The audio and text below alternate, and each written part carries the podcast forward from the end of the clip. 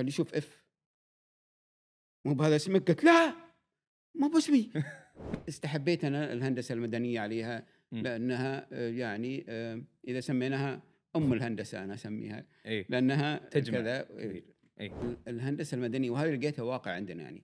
إن المهندس المدني غالبا في لما يروح في مشاريع مثلا كذا يصبح هو. المسؤول الإداري على المشروع هذا لكبر حجمه تدخلت فيه ال- ال- الدول فيها على مستوى رؤساء الدول يعني كنا. كان ما بين ال- ال- المشروع الفرنسي والمشروع الأسباني. نعم. قطار دول مجلس التعاون الخليجي. وش صار على هذا المشروع؟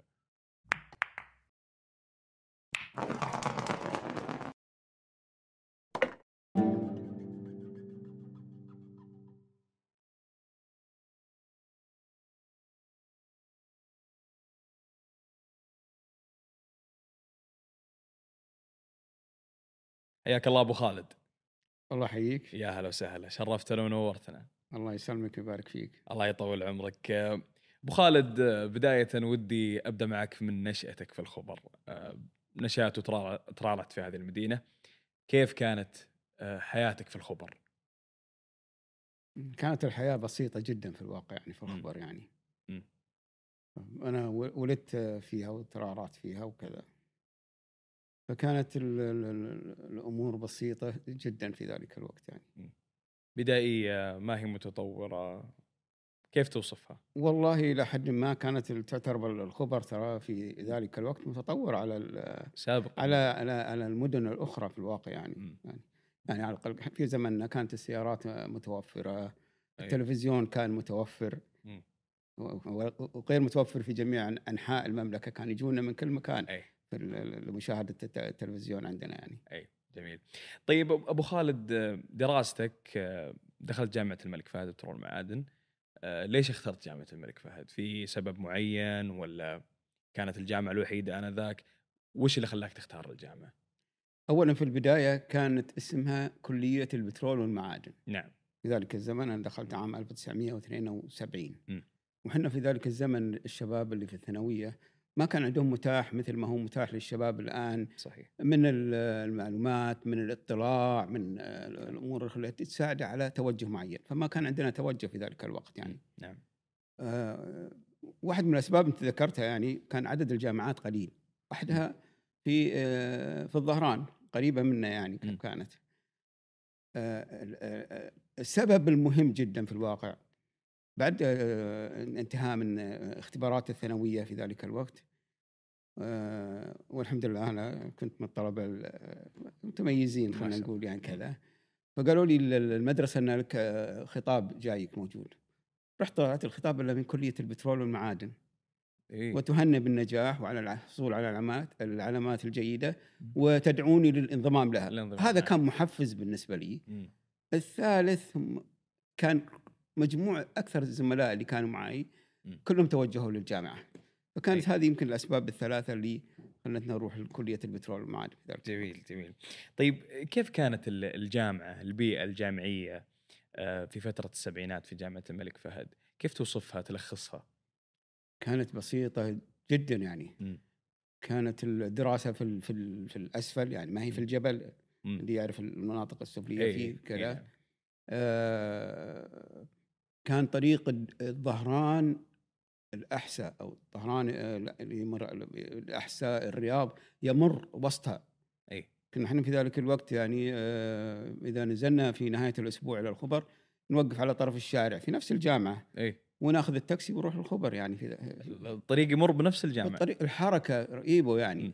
وبعد ما افتتحوا بعض المباني في الجبل فكان خطر على الطلبة في عبورهم نعم لل صحيح. لل- لل- للشارع يعني نعم، يعني في صحيح.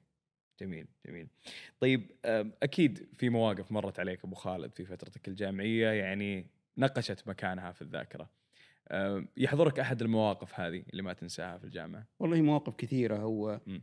بس أنا يطري علي موضوعين إذا جاء واحد إيه. رياضي مم. فيه نوع من المعلومة وفيه نوع من المتعة والثاني مم. أكاديمي آه، درامي اي ف بالنسبة للرياضي أنا كنت آه، يعني من يوم انضممت الجامعة وأنا في فريق كرة القدم. ما شاء الله. آه، كنت لعبت فترة في نادي القادسية قبل الجامعة. ما شاء الله. ذات القصيره وبعدين تركت اللعب في النادي لدخول الجامعة. نعم. لكن في ال- ال- ال- الجامعة آه، آه، قبل- خلال ذيك الفترة قبل الجامعة كنا نلعب في الحواري كما هو إيه. معظم الشباب يعني في ذلك الوقت. وكان جاتني إصابتين في كلا الرجلين يعني. اي أسلم وكانت علاجها كان بدائي يعني إيه. فكانت تروح وتجي ال- ال- ال- الإصابة هذه مم.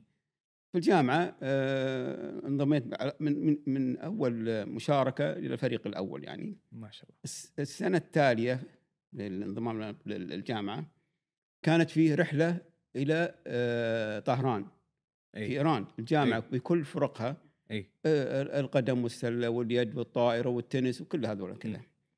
كنت ذيك الفترة مصاب جات الإصابة كذا قال لي مدرب أنت مصاب ما أنت برايح يعني مم. قلت الحين يوم جات الحزة حق السفر ما. أسافر لا لا. فكان لي زميل آه، وصديق الله يذكره. بالخير إبراهيم الصغير.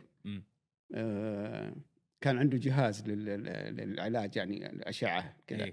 وقلت له حط يا أخوي على رجلي كثف الأشعة هذه لين على الأقل تلتئم أقدر أمشي المدرب يشوفني كذا. اي اي الحمد لله آه، إيه. سهل. والتحقت بال والتحقت بالبعثه بالفريق الحين الربع اللي نشاركهم ونتعب معهم في التمارين. إيه. يوم حصلت السفرة ما تحصل لنا. حصلت. أكيد ما تروح هذه المفروض. أما الموقف الثاني فهو درامي يعني. في آخر فصل لي في الجامعة. آخر فصل وهو. المفروض اللي بعده هو التخرج. اي يعني ف آم، طلبة الجامعة يعرفون يعني إنه آه، أساتذة الجامعات يرسلون العلامات إلى ال- مكتب التسجيل نعم. أو يخلونها على مكاتبهم. صحيح. وليس كما تط- تطور الوضع الآن اللي هي ترسل يعني آه، الكترونيا. الكترونيا وغيره وكذا. أنا بطبعي آه، من مراحل الابتدائية والثانوية والى اخرها لم أكن من اللي يراجع الأساتذة. مهما أعطاني درجة خلاص أنا بذلت جهدي وخلاص أي الحين كان في طلبة معروف إنه يعني يلاحق الأستاذ عشان يقعد درجة لنا. ولا درجتين اقعد إيه. إيه يقعد حلقه لين يعطيه الدرجة إيه. هذه أنا كنت ابدا ما في. خلاص بقتنع والحمد لله اللي سويته يعني أي فكنت لقيت جميع الدرجات طلعت وحتى طلعت أسامينا للمتخرجين أعطونا ال- الزي الخاص بال التخرج بالتخرج ال- البشت واللي يعلقون نعم. عليه كذا. فكان باقي أحد المواد وكانت water هي كان water 2 إحنا كنا أخذنا water 1 water 2 أي. فرحت أشوفها في الجامعة وكان السيب فاضي بعد الظهر كذا وغرف المدرس ال- الأساتذة كانت صغيرة وكذا وي- ويعلق العلامات آه، من من داخل ال- ال- المكتب على القزازة تجي. تطلع عليها. ما يضع الاسامي يضع رقم ال- ال- الجامعة. الجامعة الأكاديمية نعم فطلعت أنا رقمي 7 2 أطالع على اف يعني انهبلت. كيف صارت هذه؟ يعني صدمت. قلت له أنا غلطان غلطان بس خلنا يمكن ما دققت في الرقم. وأرجع مرة ثانية. إف شلون؟ عارف نفسي إيه. طيب.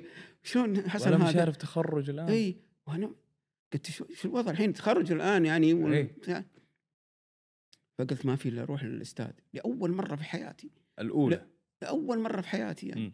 لا أعرف وين ساكن. أعرف إني ساكن في سكن الجامعة كان أي. الأساتذة كلهم في سكن نعم. الجامعة المخصص لهم الفاكولتيز موجودين هناك أي. وسألت وين مكانه ظهر ورحت كان عندي سيارة في ذلك الوقت آخر أي. مراحل ال- الجامعة كان السيارة أي. ورحت له ظهر قايلة وادق عليه الباب يفتح. للبيت في البيت إيه. يفتح وكان آه، كبير في شوي في السن كذا. ومصري إذا أتذكر اسمه كان آه، الدكتور محمد فرج. طالعني مرحبا قلت طالع يا أستاذ أنت معطيني اف في ال- في ال- المادة قال طيب قلت طيب وش شلون طيب أنا ما هو ب- ما أستحق المادة أنا عامل عامل زين. قال؟ هو حالتين. شاف إن اللي جاية واثق من نفسه أي. ولا هو فاكه فاك أي ما في فقعد ردد نفسه. قد يكون يعني ليش يعني. والله. تجاوب معاي مم. قلت له "أنت تروح معاي الحين تشوف هذا ما في ظهر إيه. أول مرة ما قد راجعت أنا مدرس آخذه من بيته واوديه ولا اركب اركب معاي السيارة قلت مم. ما في مص- مصر يعني اي فودي هذا دخلنا ال- ال- المبنى دخل آه، مكتبة مكاتب مصيره الجامعة ما أدري أي. عاد لا زالت كذا. ولا لا وفتح حق ال- ال- الاختبار النهائي أي. وطلع وطلع ويفلل هذا وطلع واحدة قال لي شوف F مو بهذا اسمك قلت لا مو باسمي أثاري غلطان. غلطان في آخر رقمين بيني وبين واحد. أي. ها يعني آخر إذا قلت 6 8 8 6 آها، غلط الكذا. اي فحط قال مش رقمي؟ قلت لا مو رقمي هذا هذا رقمي. وطلع رقمي وكذا. هذا بال- بال- للمعلومية كان معطيه C هو معطيه. اي اللي الطالب ماخذ F أصلا في هذا. اي وأنا عندي أيضا تعرف في ال- الجامعة أيضا في اختبارات طوال السنة نعم وتجمع لك يعني مو بس الاختبار النهائي. فرجع حسبه حسبه ولا طلع لي B قلت إيه مم. كذا معقول زين معقول الان نقدر. أنا ما علقت على شيء بس أنا يمكن فات علي إيه. إنه فعلا لأول مرة في حياتي مم. يعني ما قلت أراجع لأول مرة في حياتي لما شفت ال- ال- ال- ال F.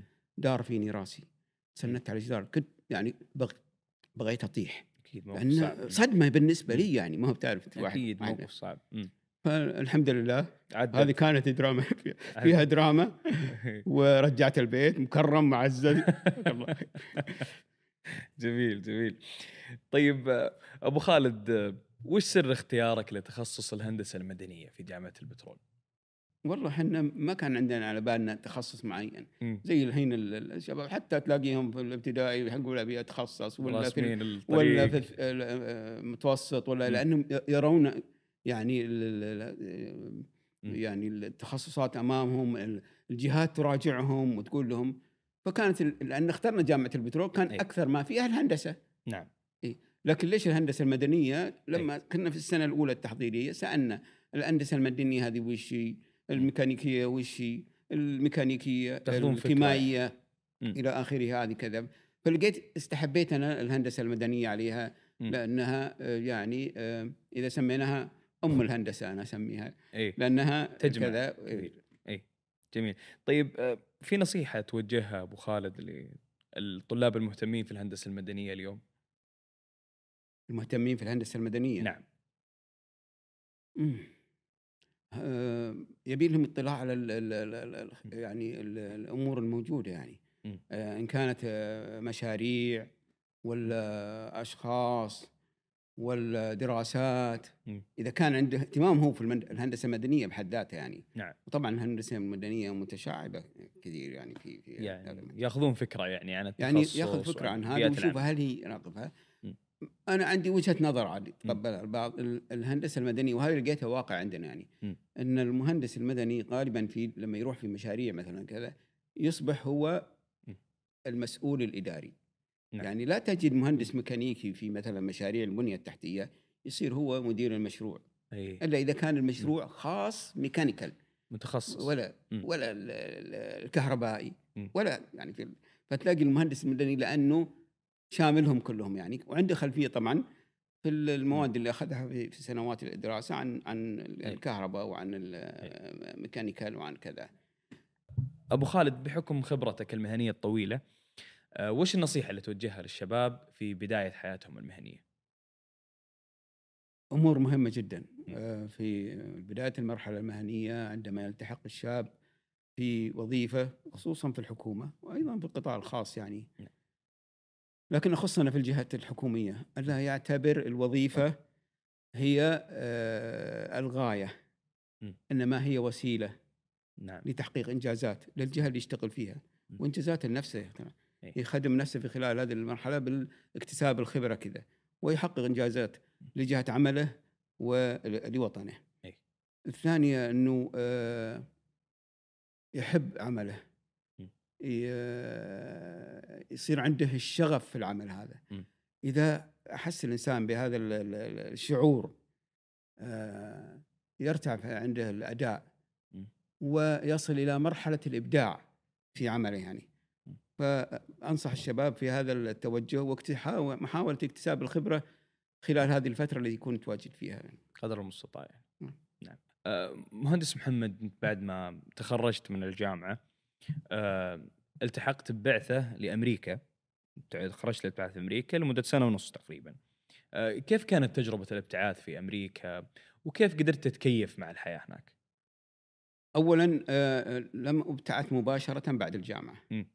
أنا توظفت في وزارة المواصلات كانت نعم. اللي هي النقل الآن كان في. حينها وزارة المواصلات وكان التعيين يتم من. الخدمة المدنية مباشرة يعني أي. وخلالها كان فيه تنسيق مع وزارة النقل الأمريكية. أي. فيه مشاريع مشتركة بينها وبين وزارة المواصلات يعني. نعم. فهناك عرضوا على هذا من اللي يبي يروح يكمل on the job training. تدريب على رأس العمل. نعم. كذا فسجلت أنا اسمي هذا. قالوا عليك إنك تأخذ ال- الاختبار الإنجليزي آه، العام هذا اللي تشوف ال- توفل التوفل التوفل. تو- أيوه. في الوزارة بعدين رج- آه، تعينت في الشرقية وجلست كذا إلا جاتني الموافقة يعني في الفيلم أي. فلما جات كنت في حينها متزوج أي. وعندي آه، طفلة يعني في حينها. كذا الثاني كان مرتب لنا الأمور يعني مم. كان هناك من يستقبلنا. يعني ما هو بزي الطلبة اللي الآن يروح مثلا في مرحلة ثانوية هناك ويبحث عن سكن ويبحث كذا و-. ويخ يعني ويعاني في المجتمع لا, لا كانت الأمور مرتبة لنا يعني حتى وجهنا لواشنطن دي سي وسووا لنا آه، أسبوع آه، تعريف. وبعدين رحنا إلى آه، بلاكسبيرغ هذه مدينة صغيرة في جنوب. آه، فيرجينيا. في فيرجينيا تك هذه اللي درسنا. كان في جزء academic من بعثتنا وش اسمه عملي فيها. اي فكان اللي هناك استقبلونا في المطار ووصلونا سكننا ليلة في الفندق وبعدين معينين لنا منزل. هذا. مم. استاجرناه فكان أمورنا مرتبة يعني في أي. في هذه النواحي. ما عانينا معاناة. و- ونفس الشيء لما انتقلنا طبعا صارت آه، عم- عملنا ال- ال- التدريب العملي في آه، نيو مكسيكو. اي مختلفه هناك في في- في الغرب يعني. وضع في مختلف. في في مدينة سانتا في بال- بالتحديد. مم. وأيضا استقبلنا واحد هناك وجلسنا ليلة في الفندق وكانت ح- محجوز لنا أيضا آه، م- م- آه، م- منازل يعني خاصة فيها جاهز، كل شيء وكان. كل الأمور جاهزة فما عانينا المعاناة اللي يعني يعانونها الطلبة بعضهم اللي نسمع عنهم يعني. نعم نعم. طيب آه، تنصح أبو خالد بالابتعاث للطلاب أو للباحثين عن عمل ترشح له الابتعاث كخيار؟ هو آه، يعتمد شو التوجه حقه. يعني مثلا إذا الشخص أو الطالب لقى آه، وجد ما يرغب فيه هنا أي. ليش يروح؟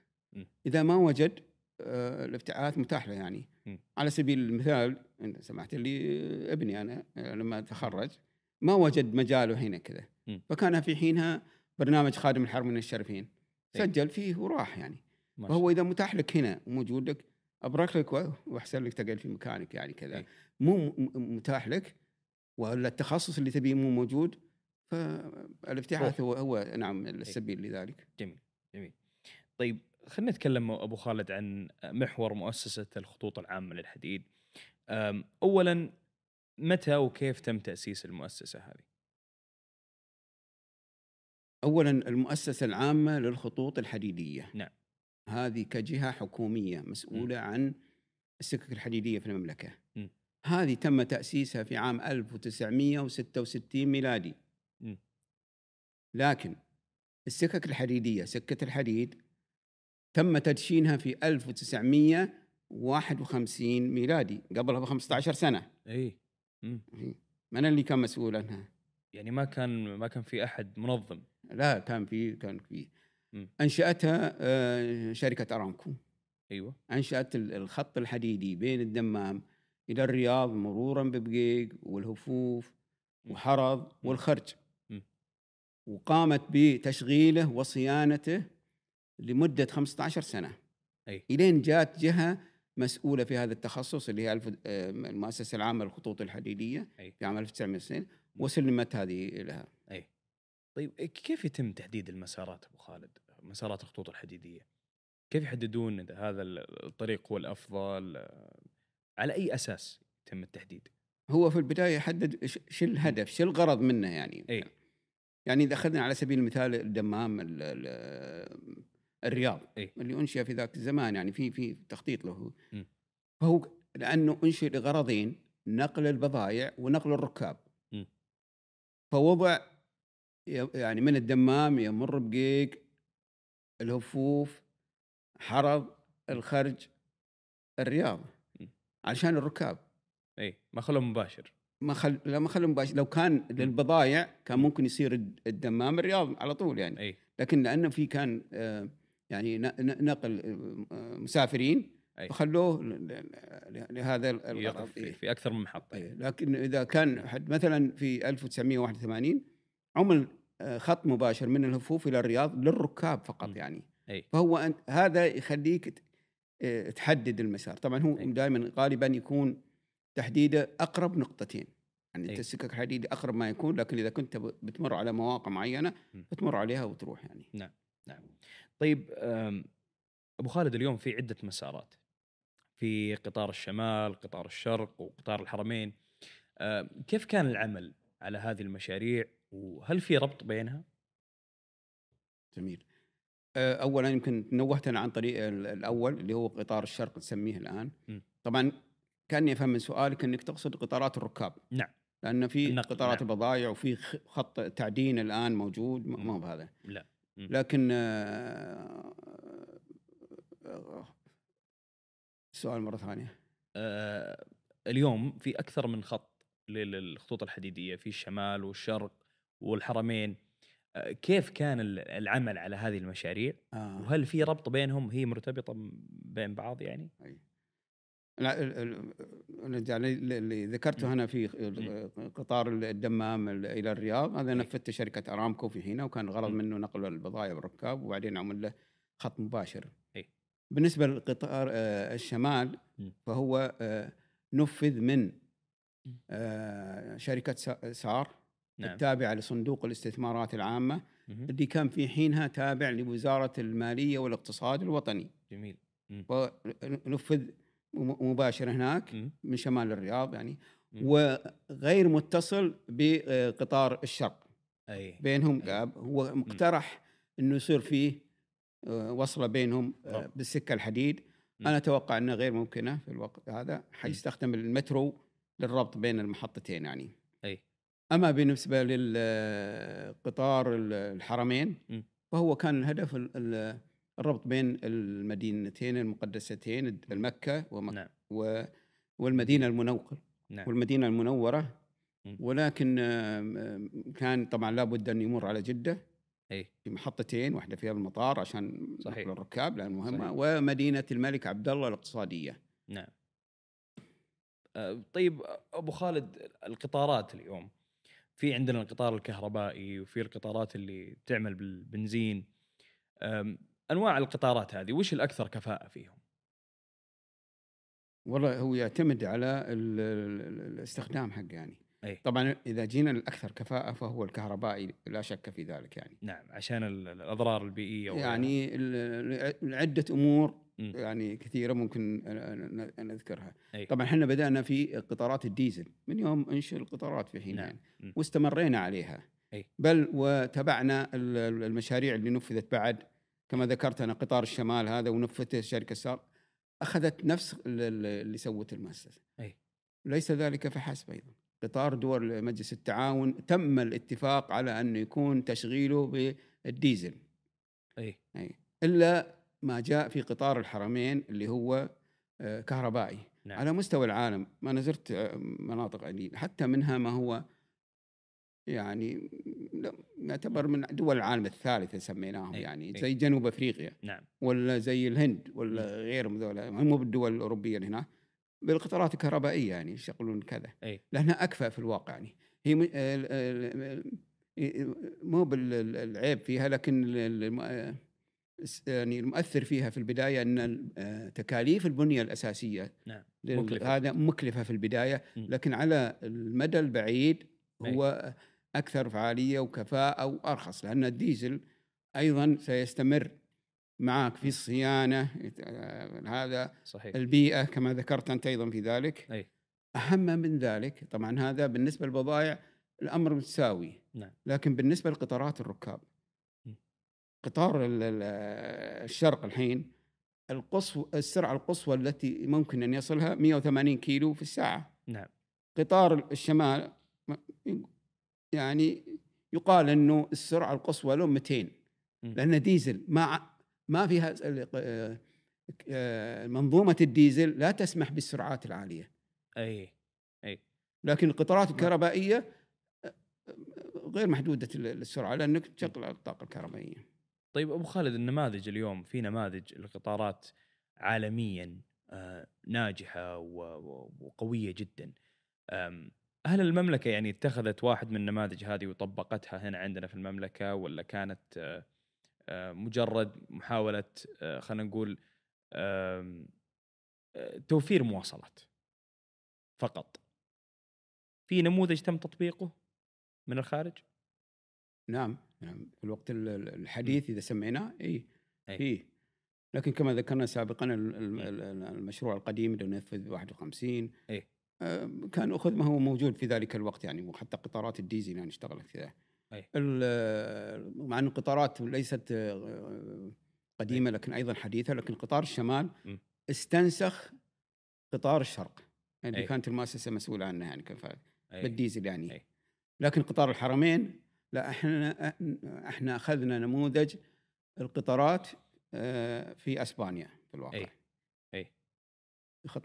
يعني آه، نموذج الأسباني كان هو الأنجح في أوروبا في الوقت ذاك وإن كان في حينها على على المشروع هذا لكبر حجمه تدخلت فيه الدول فيها على مستوى رؤساء الدول يعني كنا. كان ما بين ال- ال- المشروع الفرنسي والمشروع الأسباني.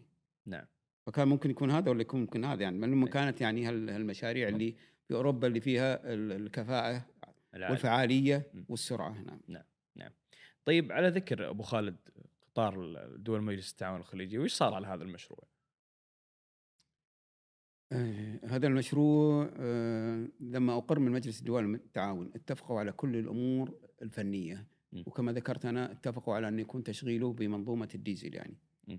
في حينها لما التحقت أنا بالمؤسسة في حينها كان مقرر ومتفق بينهم على أن يتم تشغيله في 2018 إي. 2018 يعني. م. واشتغلت الدول كلها آه، لكن اللي قطع شوط في هذا المجال هو دولة الإمارات صراحة. م. في 2015 هي لخدمة مشروع دول مجلس التعاون ولخدمة نفسها. نفذت جزء من ثلاثة أجزاء يمر فيها القطار عندها. آه، لنقل بضائع لكنه هو جزء منها. وافتتحته وشغلته للنقل البضائع في 2015 م. الآن آه، أكملت حتى الجزء اللي رابط مع المملكة إي آه، ونسق ويتم التنسيق الآن بينها وبين آه، سلطنة عمان على أساس الربط مع عمان م. حنا الجزء اللي عندنا إلى 2015 أنا كنت مسؤول عن التصميم كنا تقريبا أنهينا تصميم مسار الطريق يعني باقي إنه يطرح في يعني للتصميم وال- والتنفيذ يعني في الواقع هذا. في 2016 جاءت ال- إذا نذكر الأزمة المالية أي فتوقفت ال- المشاريع ليش؟ لأنه كان متفق عليهم انه كل كل دولة. تمول مشاريعها بنفسها نعم ما كانت فكرة الاستثمار مطروحة في ذلك الوقت عشان تأخذ كان إيه. كل دولة صحيح وكل الدول وقفت في حينها في ذلك الوقت يعني أي. طيب هل في آه، محاولة لاستكمال هذا هذا المشروع اليوم ولا تم الغائه يعني؟ لا ما لا, يمكن يكون تم الغائه لأنه. إذا كما ذكرت لك الحين دولة الإمارات وصلت إلى منفذ البطحة عندنا هناك يعني. أي. وإحنا للعلم ترى عندنا 660 كيلو اللي يمر فينا من البطحة جنوبا إلى الخفجي شمالا يعني. أي. يعني شبه. جاهز. فما في هي أكيد متفقين على أن يكملون لكن متى وكيف ما أدري. أنا ما سمعت انه مؤخرا إنه في يعني توجه ل يعني جدي لل- للعمل فيه يعني. لكن لابد أن يستكمل المشروع أصلا. أكيد أكيد. طيب أبو خالد إحنا يعني نوعا ما متأخرين في موضوع المترو. يعني اليوم عندنا في المملكة ما في إلا الرياض اللي بدأت بتطبيق الموضوع هذا. ليش تعتقد إنه السبب الرئيسي اللي خلانا نتأخر في موضوع المترو؟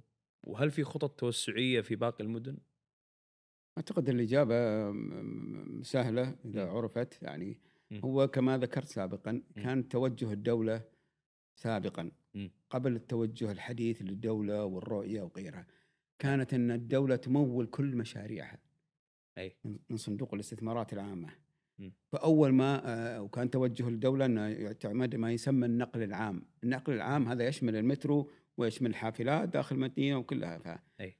فقد نقول لحسن حظ الرياض لما اعتمد مشروعها كانت الميزانية متوفرة م. ما في الأزمة المالية اللي جات في 2016 م. فكان اعتمد ال- المشروع وبدأوا في التنفيذ فيه يعني في ذلك الوقت يعني.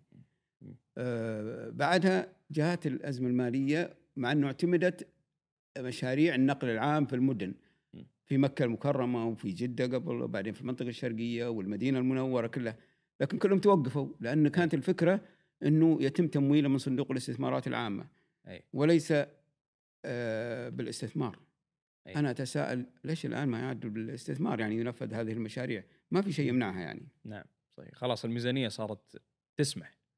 كون أنها استثمارية ومدعومة أيضا من الحكومة تعطي يعني سهولة للتطبيق في هذه المشاريع. هذا اللي تقصده. أنا أنا أقصد إنه يتخذ قرار الآن إنه نبي ننفذ المشروع مثلا. النقل العام أو المترو على ما أقول في المنطقة أي. الشرقية أي. كذا طيب آه آه، وي- ويبي له اهتمام م. يصير في آه، تنسيق مع الجهات المعنية فيه نعم إنه ندعو للقطاع الخاص من الداخل ومن الخارج للاستثمار في هذا المشروع يشترك معهم صندوق الاستثمارات العامه وينفذ المشروعات وينطبق على باقي مناطق المملكة الأخرى. جميل جميل طيب مهندس محمد ما شاء الله يعني مسيرتك المهنية طويلة آه وش أكثر منجز آه تفتخر فيه في خلال فترتك المهنية هذه؟ والله أنا أرى أنه ال- الشخص أو الموظف عموما والمسؤول خصوصا يعني. كل ما يقوم فيه آه، خلال فترة عمله واجب عليه يعني. نعم. ما في شيء منجز يسجل له يعني أو يحسب كذا فهو. شخصيا يعني. نعم لكن آه، قد آه، للتحفيز أذكر ممكن يؤثر وليس منجز يعني في بعض الحالات اللي ممكن أتطرق لها اللي هو الواحد يكون مؤثر فيها. ف آه، لما أصبحت مدير عام الصيانة. يعني في حين يعني آه، بعد مرحلة من العمل يعني فكان عندي الصلاحية. أصبح عندي صلاحية وعندي مسؤولية وعندي آه، قرارات وعندي كذا. نعم. فحرصت على تنظيم الإدارة العامة للصيانة في وزارة المواصلات. كانت إلى ذلك الوقت هذا اسمها كذا. م. وتحسين بيئة العمل في في في, في الإدارة هذه أي. هذا انعكس إيجابا على ال- ال- العاملين في الإدارة على إدارات الطرق. على المقاولين تحسن أداء الصيانة في في ذلك الوقت يعني نعم. وبدون مبالغة كانت نموذجا. يعني أو مثالا للإدارات اللي تشتغل بكفاءة وفعالية ما شاء الله الثانية لما أصبحت مسؤولا أيضا في ال- ال- الإشراف على المنطقة الشرقية في آخر وقتي في وزارة النقل يعني. قبل أن أنتقل للمؤسسة يعني أي. أيضا كانت عندي صلاحية وصرت مسؤول عن الطرق في المنطقة الشرقية كان آه، وهو واجب يعني في الواقع آه، عملت على آه، حل جميع مشاكل المشاريع التي كانت متأخرة. ومتعثرة في المنطقة الشرقية.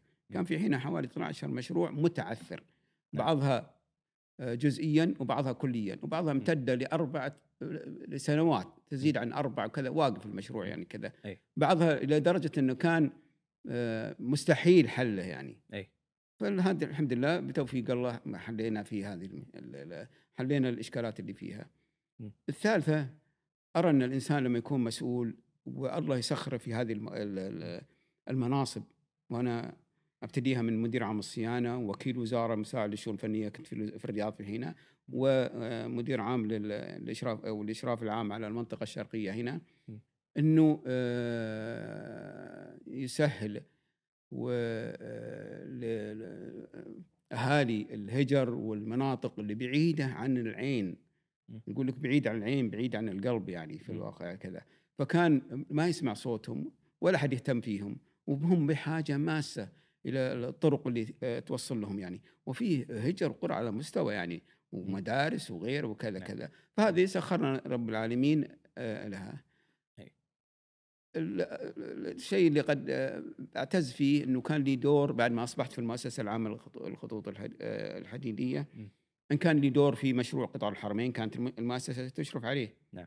وكانت ساعدنا في حل الم- المشاكل اللي كان يواجهها في ذلك الوقت خصوصا المرحلة الأولى من المشروع هذا.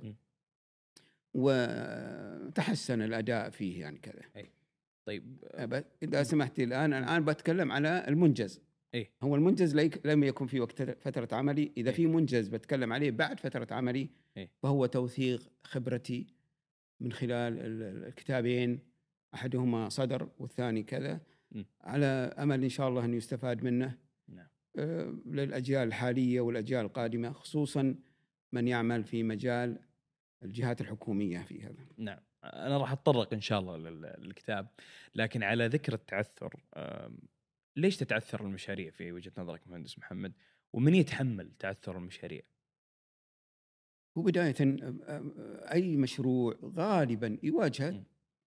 عوائق خلينا نقول نعم. تحديات سواء عوائق أرضية من المرافق ال- ال- الخدمات آه، كهرباء اتصالات مياه غيرها النوع الثاني من آه، الأراضي خصوصا الطرق حنا تمتد في مساحات ولا بد أحيانا يمر في عقارات ولا مزارع صحيح. ولا كذا فهذه نعم. عقارات ظاهرة يعني لهذا هذه لها أنظمة ع- أقرتها الدولة تحل فيها م. تأتي المشكلة الآن إذا ما آه، تابع المسؤول.